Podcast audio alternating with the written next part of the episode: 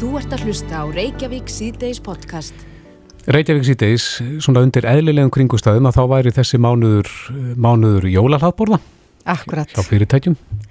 Já, og líka bara jólatónleika hjá okkur öllum. Það væri, já, undir vennilegum kringustæðum mjög mikið að gera í desembermanni. Einmitt. En við heyrum að fyrirtækjum sem að eru mjög uppátækta söm og hafa verið jafnvel að, senda sko jólalhatborði heim til mm starfsmanna sinna. Akkurat. Rakel Sveinsdóttir, réttstjóri Atunarlífsins inn á vísi.is er á línu, kom til sæl. Já, sæl. Þú ert nú búin að kanna aðeins stöðuna hjá okkur á, á þessum markaði í dag. Já, það er hérna mjög gaman að heyra í hérna fólki vegna þess að það er ekki ofsögun sagt að það séu allskynst krumlega hugmyndir í gangi. Já. Mjög skemmtilegar og, og þetta árið tölum við bara um rafræna samveru fyrir jólinn. Mm Það er í rauninni bara leiðin til þess að fara og, og, hérna, og, og fullt af sniðum hlutum. Og það er ekki nóg með það að, að, að fyrirtæki séu kannski að standa fyrir einhverju í stað jólaskemmtunar eða jólalháttbórs hérna í formi þess að senda matarbakka heim heldur skils mér að til dæmis hjá eins og orkuveitunum sem var með hérna, fjölmennan viðburð á lögataskvöldið að þar byrjaði stuðið í rauninni á föstudeginum þegar að, að fólk kom og myndaði svona bílaröð í, í bílalúu og var að sækja matabakka. Mhm. það voru bara visslu hérna föng og það var hægt að velja um bæði á, áfengt og ofengt að drekka með. Og allir að veifa og jólatónlist og, og mikið stuð og þar sem svo byrjaði í rauninni hinn raunverulega hérna stemming síðan á, á lögataskvöldina þá fjölmyndi hérna fólk bara, eða starfsfólk á samt mögum fyrir framann tölvuna og, og fylgist með að þeirra sagn, sko einum bestu tónleikum sem er hérna fólk hefur upplifað í manna minnum, það er hérna einn á, á vegum orkuveituna sem er í, í hljónsveitinni hérna Svörtum Fötum, Einar Jónsson Hann náttúrulega bara smalaði saman vini og vandamenn, Siggur Beinteins og Matta Matt og, og fyllt af öðru góðu fólki sem að stóð fyrir frábærum hérna atriðum og var með leinigesti sem að hérna voru innan hús og, og, og síndu alls konar kunstir og, og fólk endaði vist bara með að vera að dansa upp í sófum heimi á sér og dansast á tíms og alls konar skemmtilegt. Einmitt, Rakel, ég nefnilega sá eitt atriði af hérna, þessari skemmtun og þar var starfsmæður orkuveitunar, auður Guðmundsdóttir sem að hérna eh, margir í kringum hana vissi ekki að hún gæti sungið svona vel, en hún Nei, er ótrúlega hún flott sló víst sönguna. bara alveg í gegn, það ætlaði að víst bara allt vittlust að verða þegar að, að hún kom og, og var þetta, hérna, var, var leinigestur og kom bara sennilega öllum á óvart Mhm. Já. og, og hérna, og bara gæsa húð hjá mörgum og það bara trilltist allt þó að það væri allir bara heima í stofu. Nefnitt. En, en síðan er líka bara svo skemmtilegt að heyra sko að starfsmannafélagin eru mjög mörg að, að velta fyrir sig hvað er þetta að gera og það til dæmis er eins og hjá hérna sjóvá að þeir hafa hérna staðið fyrir jólaballi fyrir starfsfólk og fjölskyldur. Þú veist hvað á að gera þegar að jólaballið með jólasveinunum og, og, og börnunum, þú veist bara að það er ekki hægt að halda það. Þannig að þeir, þeir sem það tók upp að því að þe- þeir standa fyrir sko leikriti og hérna jólasveinum bara rafrænt.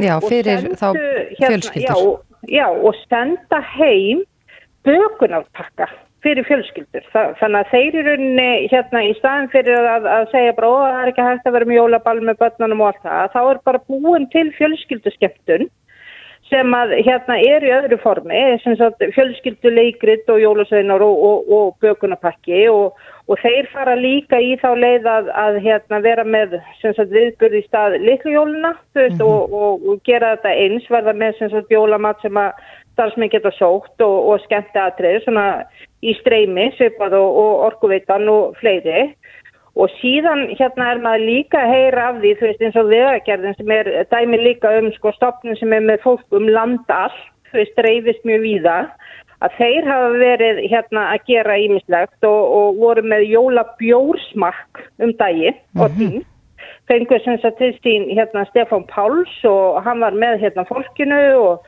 fólk var að vesla hérna eða starfsmannafélagin hérna veslu jólabjóra og, og, og snakk og allir fengur aðfend og síðan voru allir að smakka og ræða bræðgæði og alls konar og, og það sprutt úr þessu vist mjög líflegar og fjórar hérna umræði hjá þessum 150 sem voru að taka þátt þannig að, að það eru bara svona skemmtilegar og frumlegar hérna hugmyndir í gangi og bara um að gera fyrir bæði starfsmannafjölu og fyrirtæki að, að finna Akkurat.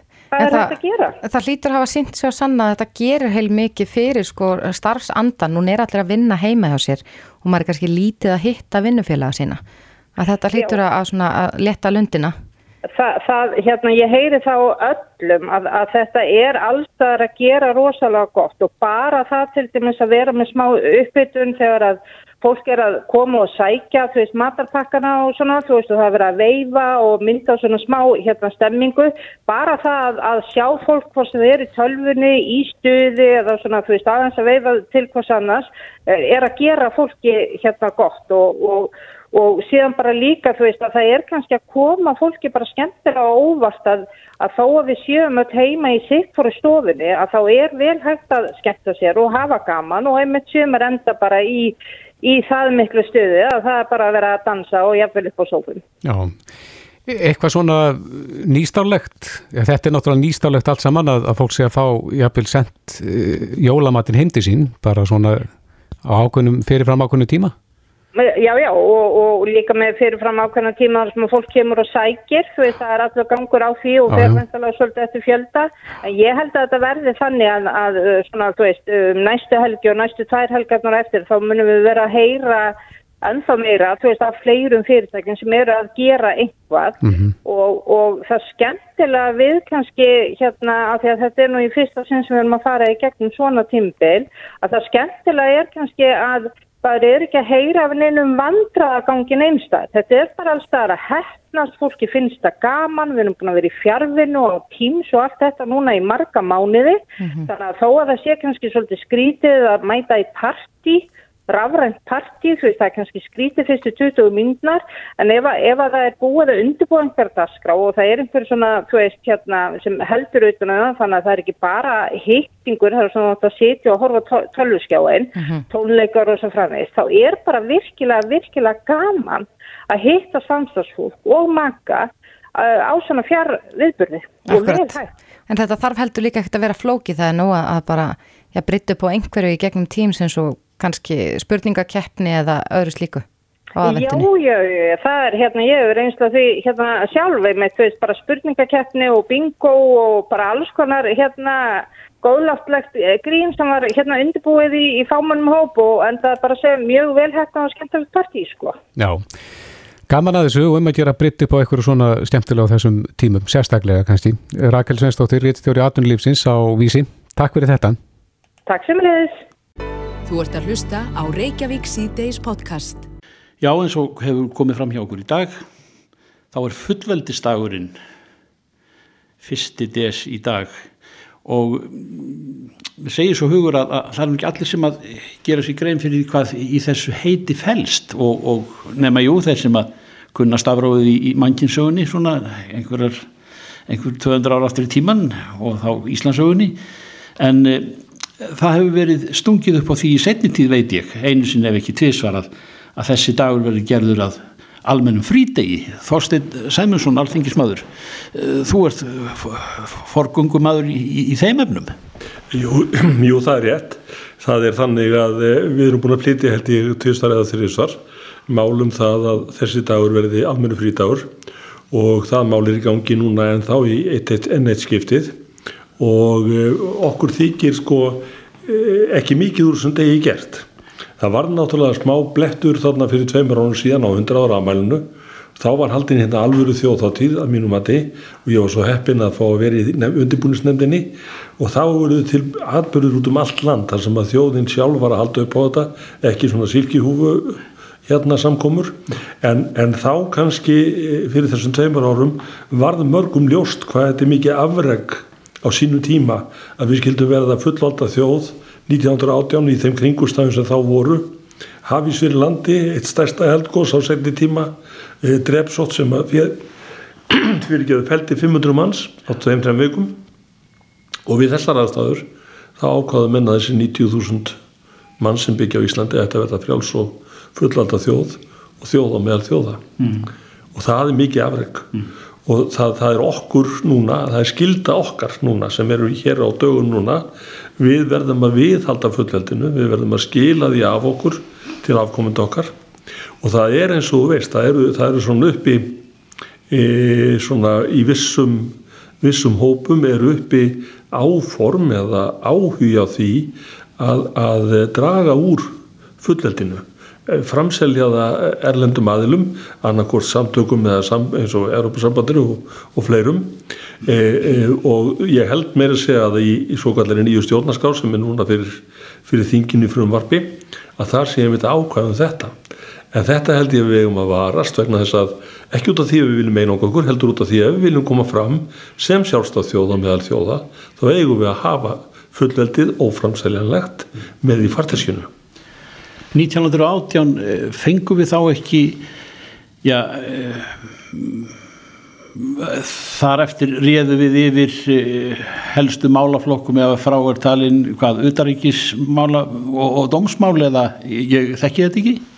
Við urðum sem sagt frjáls og fullata þjóð þennan dag mm og fengum hérna sem sagt yfir öllum okkar málum að undan teknu því að, að utaríkismál voru ennþá á, á hendi dana og við höfðum náttúrulega danskan þjóðhöfðingja þannig við vorum ennþá í ríkjarsambandi við Danmörku þó við verðum voru frjáls og fullvalda þjóð það var svo síðan þetta 25 ára eh, endurskoðunar ákvæði sem var nýtt á sínum tíma 1944 mm -hmm. þegar við síðan stígum skrefið og verðum, verðum líðveldi Mm -hmm. en í sjálfu sem má segja að það sem gerist á þingvöldu 17. júni 1944 er svona kannski loka punkturinn á því sem að gerðist 1. desember 1918 mm. þessin er þessi dagur svo merkilegur og þessin eigum við að hafa hann í miklu meira heiðri heldur við höfum gert mm. að vísu Háskóli Íslands er ennþá eh, ég held að sé núna helga, helgaður doktorum og doktorsnefnum þessi dagur og Háskólinn hefur alltaf haldið upp á þennan dag með, með glæsi brag en við eigum að gera betur og, og börnin okkar og barnabörnin veit ekki hvaða merkingu þessi dagur hefur og við verðum að sína þeim og kenna þeim og, og, og þannig að þau viti hvað, hvað það þýðir og hvað hann er merkilegur uh, uh, í, hver, hver hefur meðferðin verið eða, eða öllur afdrif þessa máls uh, núna á undanfjöndum árum að, að gera þetta almennu frítegi er það borin von sínistir eða þurfum við að býða nokkur áreist í því? Sko, aðal mótborðan sem ég hef heist, þetta er búið að fara tviðsvært til nefndar og sopna þar. En, en, en hérna, aðal mótborðan hafa verið það, menn hafa verið að velta fyrir sér á vinnumarkaðin mm. og ég hef nú sagt bara að, að vinnumarkaðin bara finnur út úr því. Ef að reglurna breytast á alþingi þá finnum vinnumarkaðin út úr því. Og við eigum að, taka þennan frídag og, og, og eins og segi gera hann að alvöru hátíðistegi mm.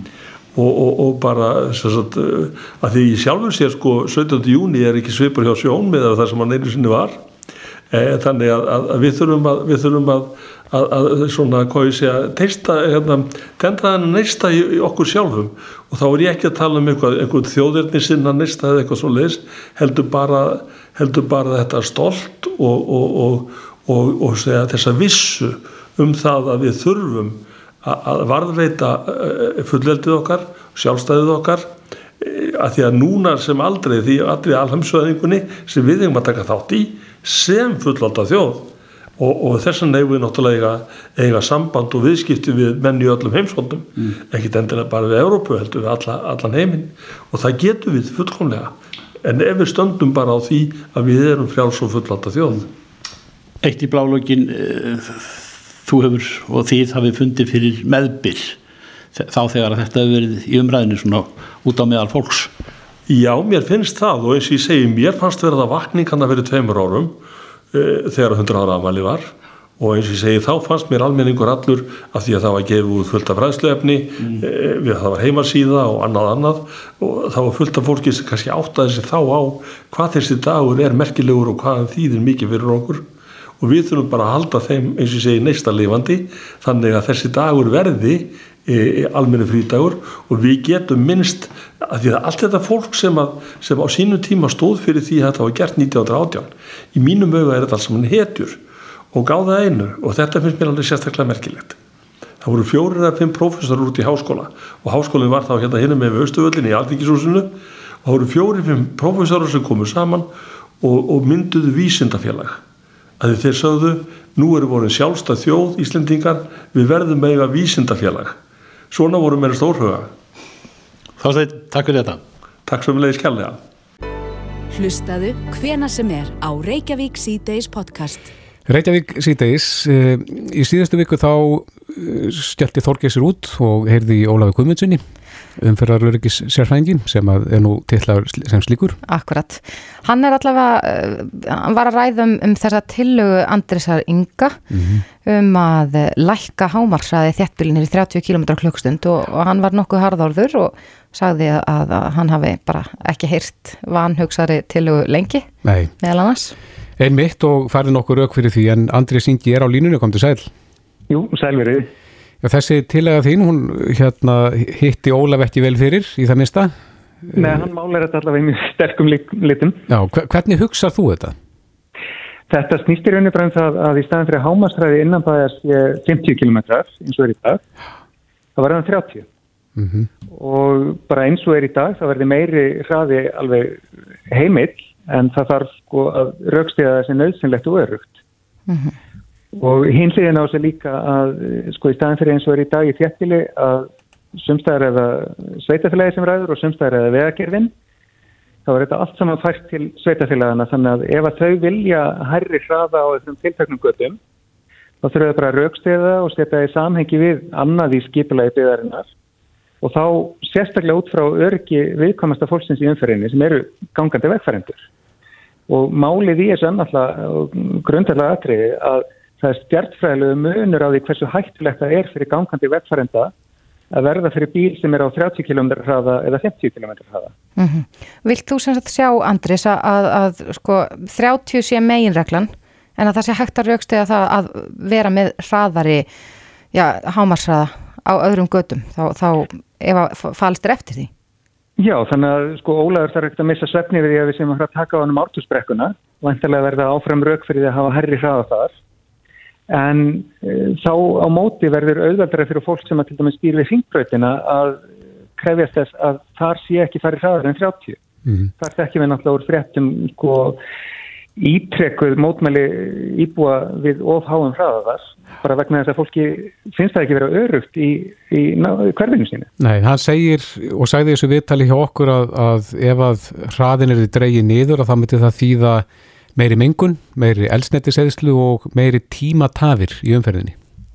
Sko þá er hann alltaf að gera ráð fyrir því að ég sé að segja að að lækka hraða á öllum göttum bara komplett en það sem ég er að segja er að þurfi bara að hugsa hverja einustu göttu og réttlæta í hvert einasta skipti eh, sko all, alltaf þegar er eitthvað hærra en 30 km Mhm. og þá, þá náttúrulega þurfa sveitastjórnir að taka tillit til annara þátt eins og akkurat umhverfistáttana og þar finnst mér nú Ólaður Skautaldi létt fram hjá því að sko hærri hraði veldur meira svifriki og meiri, meiri eh, sko loftmengun almennt. Og það er, það er annar uh, skadvaldur sem, ég menn það er fólk sem deyr út af loftmengun. En e- eru sem sagt rannsóknir sem sína fram á það að, að, að, að mengunin sé meiri þegar að, að hraðin er meiri? Já, já, það, það hérna, vegakerinn byrti nú bara í síðustu viku stutta skýrtu sem síndi að, að hérna, besta aðgerðin gegn svifriki væri vantilega að lækka hraða og, og hérna, banna nagladekk.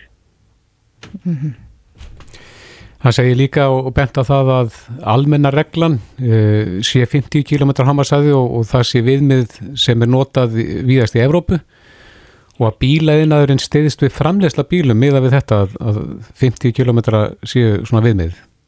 Já, sko, þá er hann bara að missa vagninum vegna þess að eh, sko, flestir samgöngur á þeirrar í kringum okkur, þar á meðal samgöngur á þeirra Íslands, hittust í Stokkólmi í vor, skrifuð undir yfirlýsingu um það að til að styðja heimsmarkmi saminu þjóðan um að draga úr fjölda döðsfalla og alvarlega slýsa í umferðinni þá ætlum við að binda spöndum meðal annars um að uh, hafa leiðan hámastræða 30 km þar sem að viðkomið vekkfærendur eru innan um bifriðar.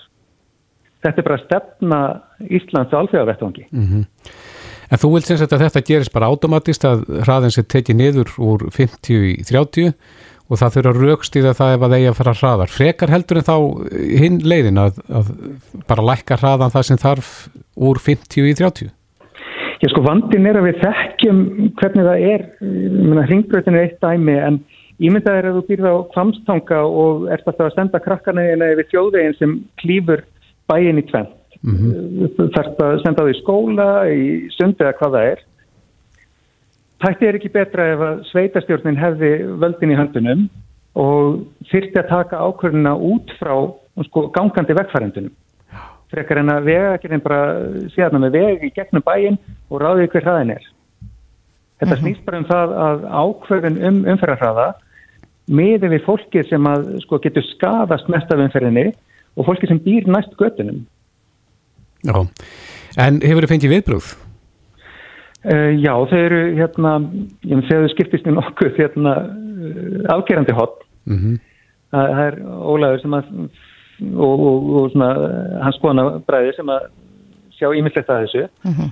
og svo er fólk sem að hefur lagt sitt aldrei eftir skiplagsfræðum og, og kynnt sér þessi mál umferðarverki er bara mjög mikilvægt og það er hópið sem að vil sjá þetta gerast og ég til dæmis fengið skilabóð frá fólki í litlum bæjum út af landi sem að sko, er, með, er bara með hjartaði buksunum út af hérna út af þjóðvegum sem hleypa bílum og frætti gegnum bæina.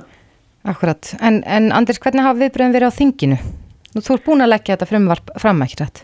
Jú, ég er búin að leggja það fram, ég er ekki búin að mæla fyrir því þannig að það hefur nú ekki reynt almeinlega á það. En hefur þú svona eitthvað verið að, að hlera kollegaðina á alþingi?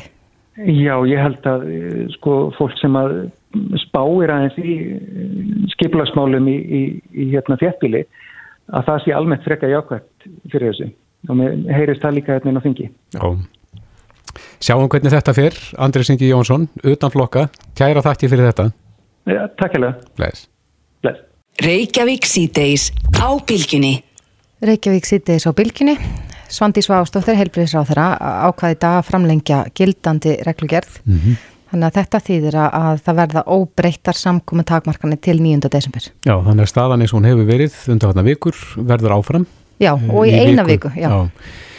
Eh, þeir hafa líst áítjum sínum yfir stöðunni Vestlunamenn, Andrés Magnússon er frangværtastjóri Sandaka Vestlunar og Þjónustu, kom til sæl Halló þið Já, hver eru ykkar viðbröð við þessu? Það er bara status quo, eina viku í viðbót Já, Já það er náttúrulega vonbriðin það er alveg fennalínur en uh, það er þá ljósið virkunni þetta er engis framlengtum viku núna Þannig við verðum bara að vona það að það verði fórsendu til þess að stíga uh, skrefi í slökunátt á þessum reglum mm -hmm. eftir viku.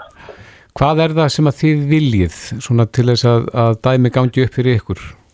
Já, við eh, sko óskastaðan fyrir okkur og það, það sem við hefum umvöldlega geta sagt okkur við núna hefði verið það að lámarsfjöldin hefur hækkað 10 í 20 mm -hmm.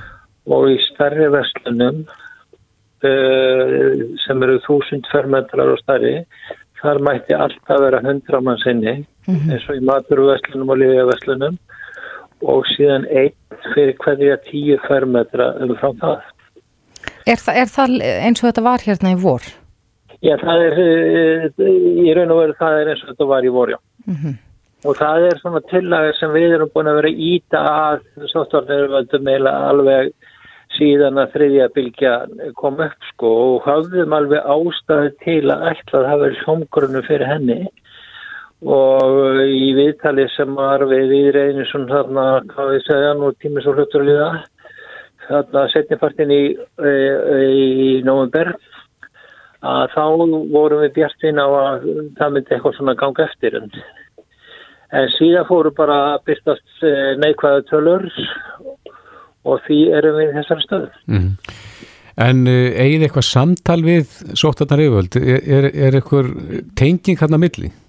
Nei, það er nú, sko, ég, ekki formleg og ekki regluleg og það er það sem við náttúrulega hljóttum að gaggrina og höfum gaggrind og höldum áfram að gaggrina. Það er uh, skortur á fyrirsjáleika, skortur á samræmi og þá vísa ég til þess að ég sagði á það og skortur á samráði við aðtunlífið, við okkur og aðtunlífið að öðru leiti uh mhm. -huh. að það er afar bagalegt og bara svona sem dæmi þó ég sér ekki málsfari veiting að gerast að þá er ég ágætti samband og veit alveg hvernig fyrirtækjum í þeim geira líður þannig að hlýtur að vera afar bagalegt á þessari háönn í þeirri grein að fá uh, tilkynningu um þetta með eins og hálfstags fyrirvana. Akkurat, en hafið þið, og ég heyra þið hafið nú viðrað þetta að, að það sé of lítið samráð, hafið ekki fengið neyn viðbröð við því einu sinni? Nei, við höfum aðalega, og það sé nú bara sagt, rætt við sóttvarnar við völd um þessi mál í gegnum fjármila. Það verður bara að segja þetta svo er. Uh -huh. Við höfum þó verið í ágættis svona tölvupássambandi við einhverja að þeirra en uh, fyrst og fremst á Víður Einarsson en að öðru leiti hafa samskiptin við, við sóttvarnar við völd og stjórnvölda öðru leiti fyrst og fremst verið á þeim nótum. Já, en þeir viljið hérna tilslökun, þeir viljið fjölga hérna úr hvað 10-20 í einhverjum verslunum en... en Já, bara lámarkið í lámarkið farið úr 10 í 20. Já, en teljiði að... Hámarkið, hámarkið fyrir ekki, hámarkið. Já, en teljiði að, að það myndi, að það myndi hérna stíla til ætlum sóttarnar áhrifum? Já, ég sko, eins og ég hef verið að benda á í umræðu um þessum mála önduförnu, þá eru reglurna þannig núna að inn í maturverslunum og livjaverslunum mega vera 50 manns og í, í, í, í uh, verslunum sem eru 1000 fermetrar á stærri mega vera 100 manns. E, það dregur engin í efa mikilvægi maturverslun og livjaverslunar fyrir samfélagið. En við sjáum hins vegar engin rög til þess að það sé meiri smittætta inn í 20.000 pluss fermetra rúmu verslunahúsnæði en í tiltvölega litlu apoteki sem er mm -hmm. kannski að fá 10 fermetra. Það er þetta sem við erum benda á þegar við tölum um að það sé ósamræmi í reglunum. Það er gaggrinni við, það er gaggrinni í öllu þessu ferli, höfum ekki fengið hljómgrunn fyrir þessu, er ekki komið við, einu sem er komið viðbröð við þessum sjónamið. Mm -hmm. Nefna bara að, að að Þórólur létt hafa það eftir, Þórólur Gunnarsson létt hafa það eftir síðan einhver tíma í þessu ferli fyrir svona veiku tíu dögum að mann geti nöldrað út á öllu. Mm -hmm. En nú vitum við það að Íslandikar hafa verið dugleira vestla á netinu á þessum tilbóðstögum sem hafa verið undarfartan daga. Uh, nær þetta að bjarga störfum í vestlunum ef ástandið verður svona áfram að megi einungist tíu fara inn í hverja vestlun? Já sko, uh, það var alveg ljófst að uh, nýliðin mánuður verður algjör með mánuður á Íslandi í netverslun. Það likur alveg fyrir. En það likur líka jafnvel uh, fyrir að það mun hvergi næri hérna brúa það bíl sem mhm. að, að, að bæta upp það að fólk get ekki vesla með þetta smætti. Það er algjörlega útiloka og ég skal bara benda á eitt í þessu sambandi að eins og þetta blasiði núna og þessu reglurnar er núna að þá með einhvers tíu manns vera inni í rýmum svona almennt. Nú fer uh, þorrið þjóðarinn að streyma í búðir til að köpa jólatrið. Mjög gera það næsta hálfu mánuð þrejum vikum.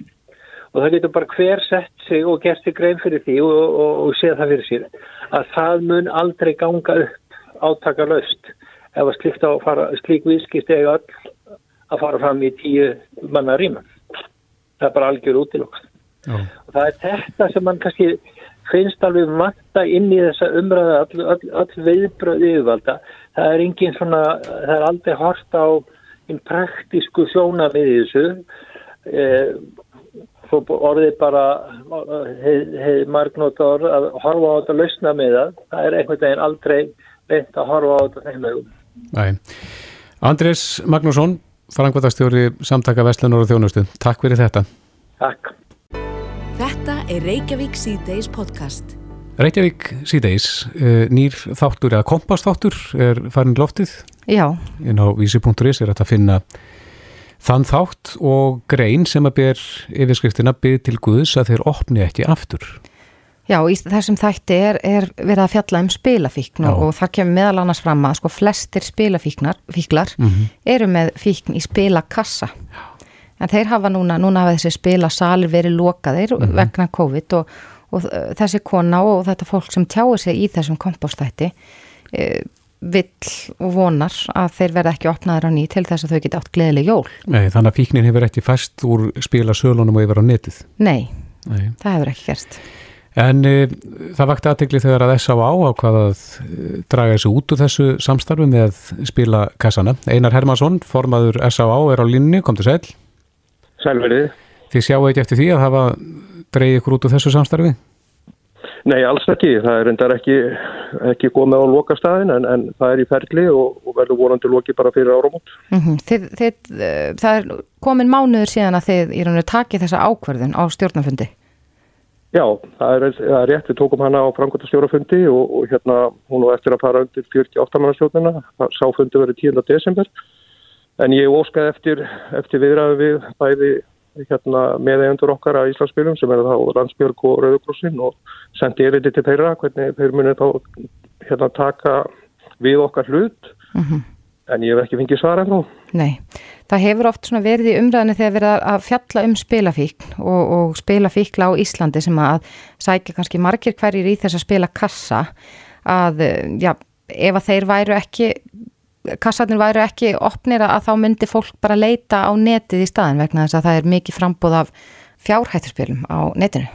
Einmitt. E, er það ykkar skoðun hjá S.A.A. að þessir spilafíklar munið bara leita á netið ef að kassunum er ekki til að dreifa? Já sko, fagfólki hér innan til að segja mér allavega að kassin séða það sem er mest ávanabindandi og yfirleitt svona loka staðurinn fyrir þetta fólk og hérna og það er ekkert endilega sjálfgefið að, að fólk fari eða, eða fara úr kossorum og yfir, í, yfir á netið. Það er ekkert sjálfgefið. Hefur verið gerð könnun á því einar hverjir það eru sem að nota þessa spilakassa? Er þetta upp til hópa vennilegt fólk eða er þetta spilafíklar? Sko, nei, það hefur ekki gefst, eða það hefur ekki að mér vitandi verið, verið rannsakað en hugsalega gefst það ekki fara á því núna að bara komast í bóknir það hverjir eru notendur á þessu kossum. Ég allavega þekki engan í mínu svona umhverfi sem að tekur til dæmis að ákvörðum bara eftir kvöldmatt að fara í kortir hóltíma að spila. Nei.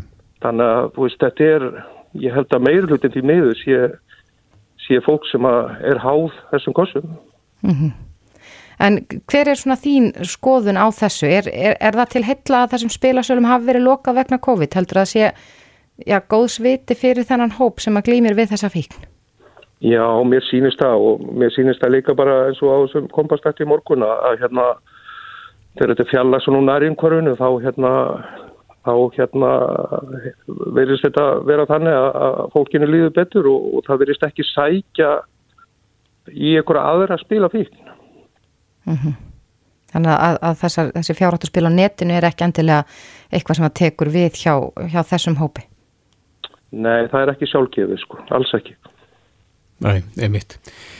Já, e, þeir sem að vilja skoða þetta nánar geta farið inn á vísi.is og sé þannan e, nýjasta kompás þátt. En Einar Helmarsson, formadur S.A.A. Kæra þakki fyrir þetta. Takk fyrir. Reykjavík síðdeis á Bilginni podcast. Reykjavík síðdeis á Bilginni heldur áfram. Það er nokkuð algengt að á þessum tímum, nún er COVID búið að vera hluti af líf okkar mm -hmm. mest allt árið. Já og það dukkar ofta upp svo umræða sko að vera að bera þetta saman við influensu. Maður heyrði þetta mikið í fyrstu bylgjunni, mm -hmm. það sem var að, að tala um það að þetta væri ekkert öðruvísi heldur en þessi álega influensa. Akkurat og, og, og svo hefur ofta líka bara verið umræðina að sko bera saman hversu mörg döðsföll verða völdum influensun á hverju ári og, mm -hmm. og svo uh, COVID-19. En nú er, um, já, eitt sérfræðingur sem við tölum oft, við erum búin að svara þessu fyrir lesendur vísindavefsins þar sem er oft eh, fróð, fróðleika að finna. Mm -hmm. En á línunni er Jón Magnús Jóhannesson, hann er ja, sérnámslæknir í livlækningum á landsbytalum. Komdu sæl. Sæl. Já, þú fegst þessa spurningu að eh, ja, bera saman influensuna og, og eh, COVID-19. Hvað er það svona helst sem að þú komst að við þennan sambörð? Þetta er algeng spurning og í rauninu það sem maður kemst hertað er að auðvitað er þetta ekki nákvæmlega eins og flensvan. Það er rauninu, það er engin einn meiri síking nákvæmlega eins og önnur veir síking. Það er bara mjög einfalt að hálfa það þannig og þá er spurningin að sjá ok, hvernig ber þetta saman við flensuna og þá einmitt COVID-19 búið saman við flensu og bara líka niður þannig er að allt stendur til þess að þetta sé alvarlegri veirusíking en svo flensu sem við þekkjum bæði þessi ástíðabunuflensa og síðan þetta heimsvaraður influensu sem á sínuflensum. Svo að það er bara mjög borlegjandi niðurstu sem sína það að þetta er hættulegri síking og en á samahátt er einn helsta niðurstan líka svo að samanburður á þessu tvennu skilar í rauninni ekkert miklu í rauninni því að þetta eru tvær gerur ólíkar veirusíkingar og með tvær algjörlega svona aðskilda svona eiginleika. Mm -hmm. Er, hérna, er munur á þriðjubiljunni og síðan fyrstubiljunni? Í raun ekki. Þa, það er þegar kemur að, að hérna, hversu alvarlega fólk síkist? Já, já. Í sjálfur sér ekki. Það sem að hefur breyst kannski á þessum tíma er þekkt. Það er annars alveg greininga geta nokkar. Við erum farin áfug betur á hversu loðin enn COVID-19 getur verið og það margir sem fóð COVID-19 eru ekki með þennin ábyrðandenginni. Það er getað dreyst í áfram, það er að segja.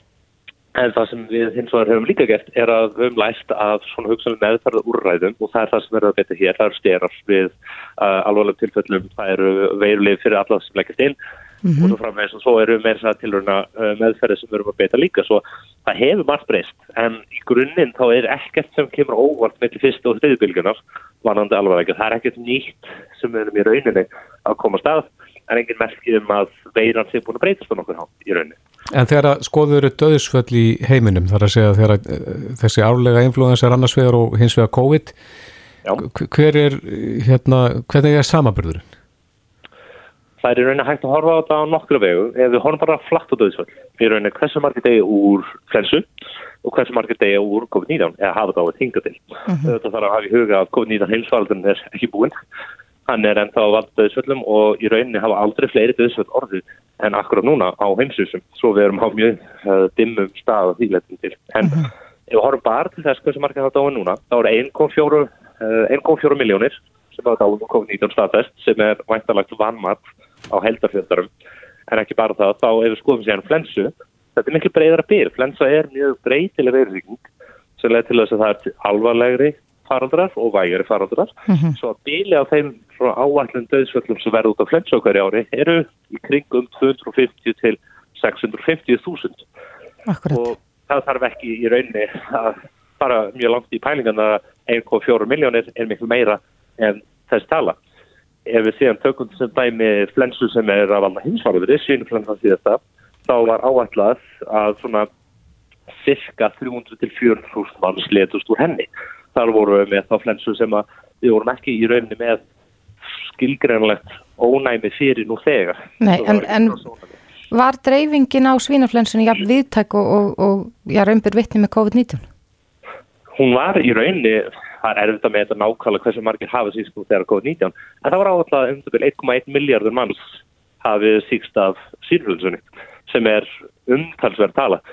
En, uh, og það er eins og segið, þessi tala var hingin mörgum árum eftir að sínuflensunni laug, þá farið ég að gera mótanumælingar á allanir og þá fegst þessi endala tala, svo það er mjög erfitt að spá um, stærð faraldus í rauninni meðan verðum í minningfarald, mm -hmm. svo það flækir dagins, en þetta var náði mjög mikið til dreifingu, sínuflensan, og sínuflensan þá þarf að nefna að sínuflensuveiran var síðan ástíðabundna flensan sem við erum að fá, núna bara hverju ári svo að mm. þetta er oftast aðal uh, veiran sem er valda flensufaraldum á hverju metri er svínaflensu uh, stofnin sem hefur breyst aðeins ára.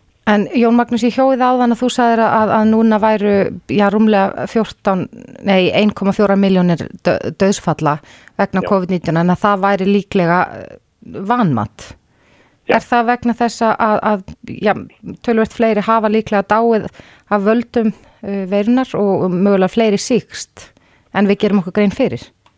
Já, það er í rauninni, það er bæðvannmáttuð á fylgta síktra, sérstaklega í byrjun, þá voru ekki greinar tilfelli sem að voru í rauninni COVID-19 og þá var til dæmis uh, fyrstu döðfalli sem skráði í bandvíkunum var fyrst talið að hafa aftur stað í byrjun mars en svo var í byrjun februar þegar komið ljósað manneski sem hefði dáið lúnabólgu var í rauninni með COVID-19 mm -hmm. svo það má bara, þetta undirstökið í rauninni það óvissu sem voru nýja á þeim tíma Já. en þetta er eitt annað sem að skiptir gífunum máli að hafa í huga sérstaklega varðandi Afriku uh, og kannski, ja, ekki Afriku sem heldur, kannski sérstaklega söður hluta Afriku að dánarskráning, það, dánarmeinaskráning er allt öðruvísin hér og innviðin eru ekkert mjög sterk til þess að skráða. Svo það hefur til dæmis verið víðsend vandamál víðast hvar í Afriku sunnan Sahara að það hefur ekki verið hægt að skrá döðsfallar, uh, svona orsug döðsfallar fyrir kannski nokkrum árum setna uh, út af því að skráningin er ekkert miðlæg, hún er ekkert rafræn víðast hvar svo það er spáð því til dæmis í Afríku að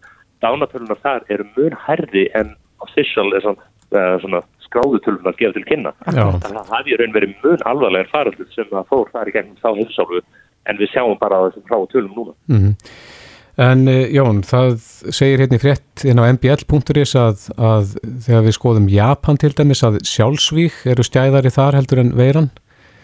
Mm Erum en að skoða þar að segja áhrifin, heilsufastlega áhrif af uh, þessum sóttvarnar aðgerðum viða í heiminum -hmm. á, á heilsumanna. Það er að segja, það er verið að reyna að bjarga mannslífum en, en er kannski verið að gera illt verra. Mm -hmm. Það er verið að rannsaka þetta og það er oft láti en að svona láti í ljósum það sé ekki verið að gera það. Það er virk, virkilega verið að gera það. Það þarf að hafa í huga til því að Japan. Japan hefur nátt stórkostlegri stjórn á faraldurinu með við stærð. Þetta er náttúrulega rosalega þjættbísland íðast hvar, það er náttúrulega þetta hvar og enn. Þetta hefur nátt ótrúlega stjórn á faraldurinu með tilfæðan frá döðsföld og það er einhvern bara endur spekling með árangri að það hafa orðið svona fá döðsföld og það því er önnur aðra orsakir verða þá auðvitað yfir.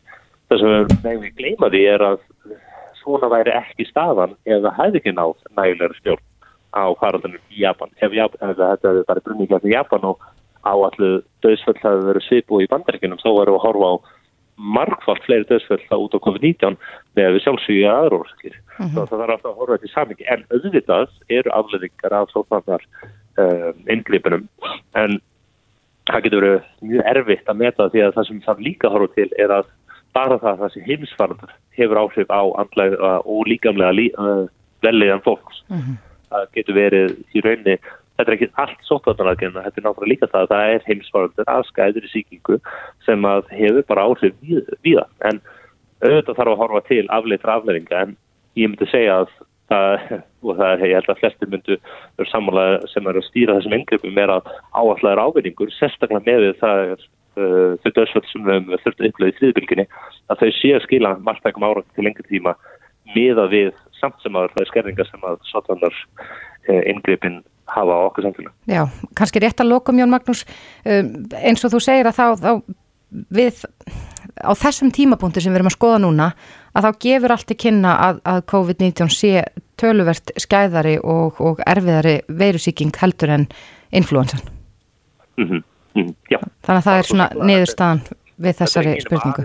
Að, það eru erfáir sem að halda öðru fram en það er ekkert byggt á neinum gögnum. Nei. Þetta er klárlega skæðari síking hvernig þeim maður horfir á það en auðvitað er síðan heitt að meiri segja að þetta var jafnskætt og hefðbundin influensa. Það væri ekkert lítið mál heldur því að flensa er, það er ástæðan fyrir því að heilbjörnskerfi okkar metast hverju ári af flensunni, mm -hmm. þá er skæðsíking út fyrir sig og þá myndir þetta bara leggast ofan á flensu, svo það er heldur ekkert skellið tilhugsun, en uh, þetta er svona, kemnin í þessu er að þetta er samt sem aður, bendir allt til þess að þetta sé skæðsíking og Er mitt Jón Magnús Jóhannesson, sérnámsleiknir í lifilegningum á landsbytalanum. Það má nána lesa þennan samaburð og neyðustöðu þína þetta inn á vísendavefnum. Kæra þakki fyrir spjallið. Takk fyrir. Reykjavík síðdeis á Bilginni podcast. Dagur íslenskrar tónlistar, það fer ekki á milli mála á fullvöldistægin í dag. Um, við óveinilegar aðstæður reyna tónlistamenn og og þeir sem tónlistar njóta gera sér daga. Munni, það, tekst nú svona og svona. Jakob Fríman Magnússon það er, það er svona kannski ekki beinlinis eh, mikil bájindi eða maður lítur lengra fram, fram á við en, en þetta er aldrei daburt ástand á þessum degi. Ég kýrst nú ekki að líta svo á. Ég sé bara sko sólina og byrtuna framöndan ég sé að ég horfi til vorsins og það er allt sólin fyrir hækandi og, og sóknarfærum fjölgandi. Mm. í dag er dagur í slinga tónlistar og það er til að minna okkur á gildi hennar og, og intak sem að göfgar okkur og gleður í víðasta samengi og um, við höfum bara að horfa til þess að, að við höfum verið mynd á það það er ekkit sjálfgefið, það getur komið hyggst og högt og stopp þess vegna. Og þá á að læra eitthvað af því.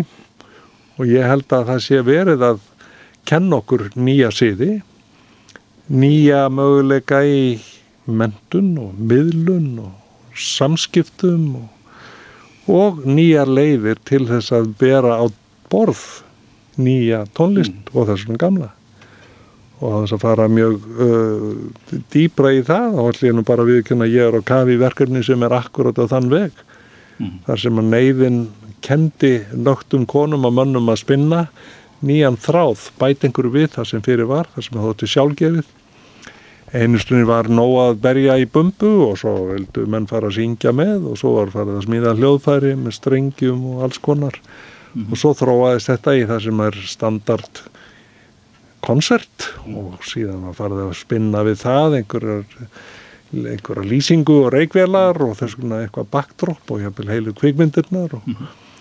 og nú eru möguleika til þess að gera eitthvað ennþá meira, stækka upplifunum ennþá meira með því að nýta þrývít og tölvugrafík og teikninga fólk og.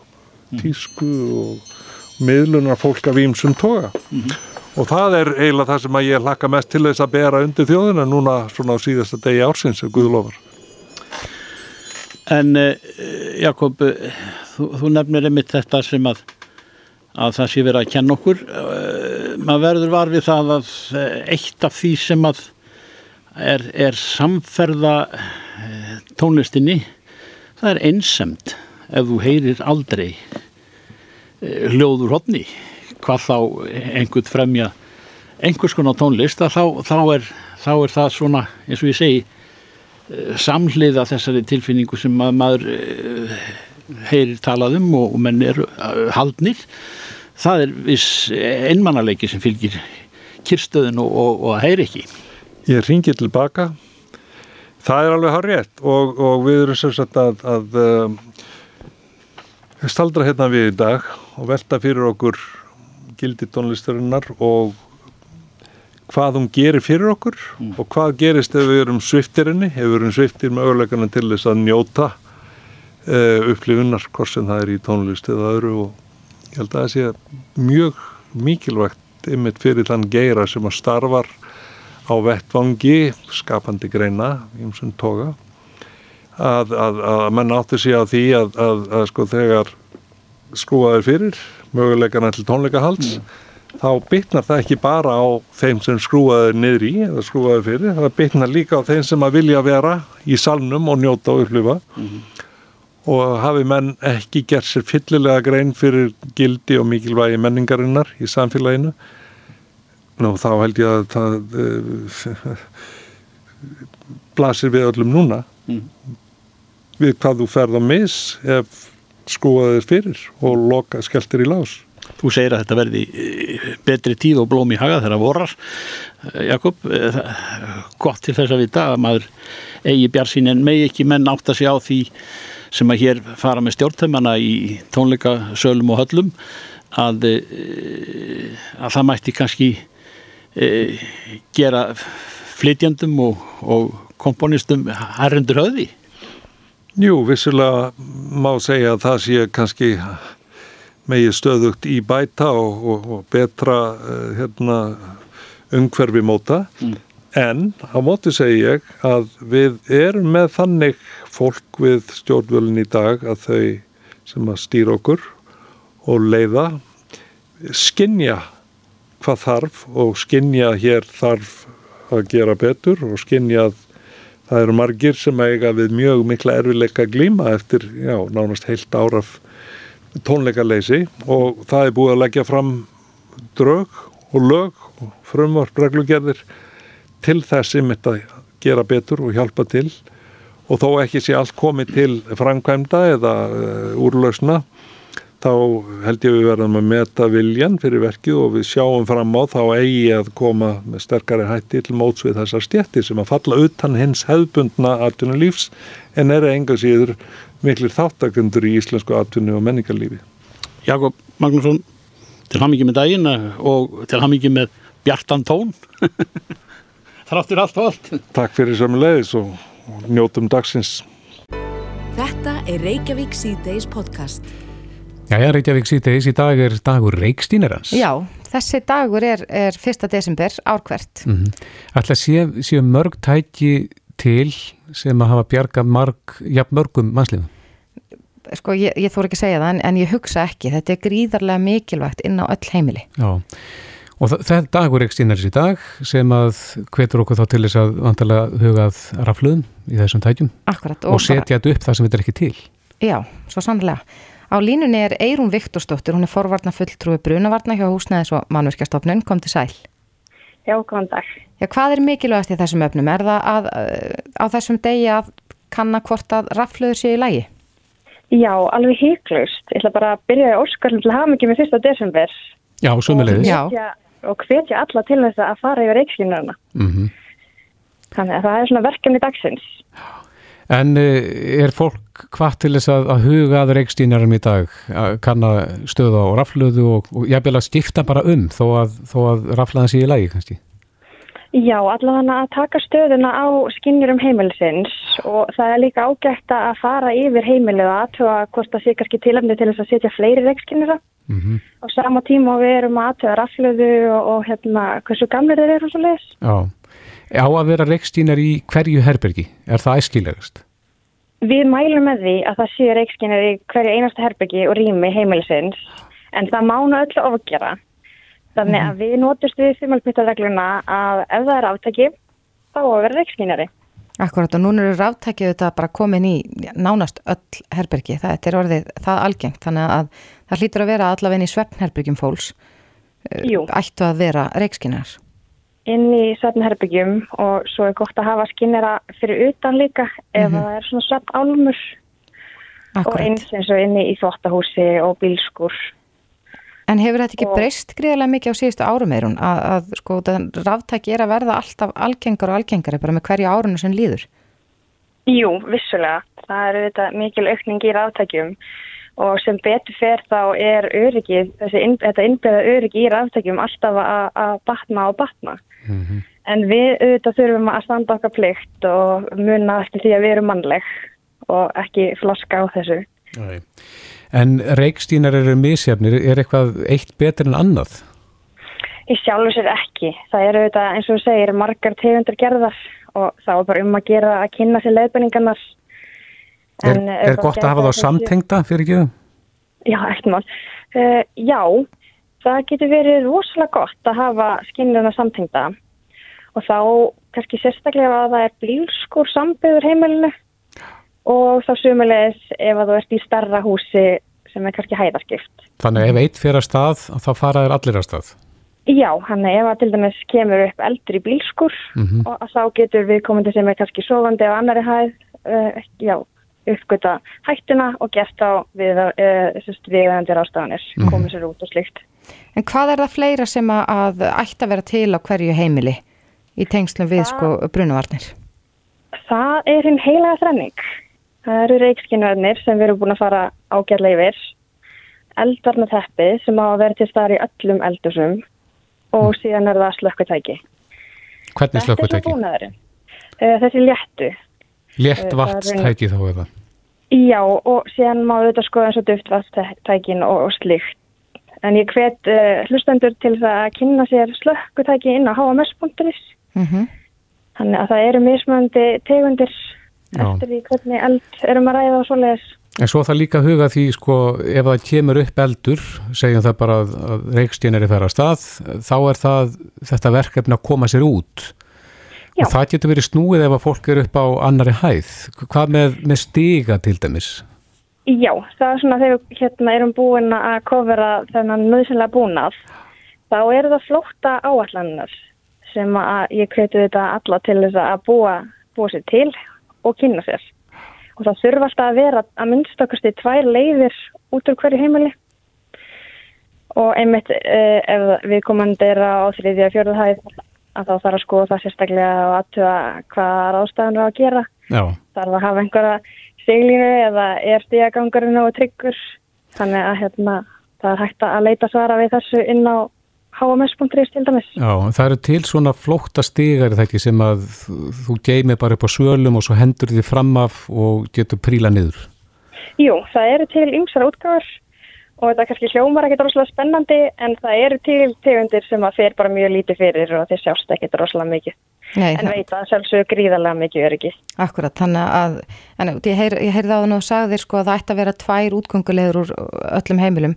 Er þetta raunin í dag? Að, að til dæmis ef við tölum um sko íbúð sem er ekki með svölum og er hátt uppi, þá er oftast bara einn útgangur, en ætti þá að vera hægt að, að komast út um glugga eða annað slíkt?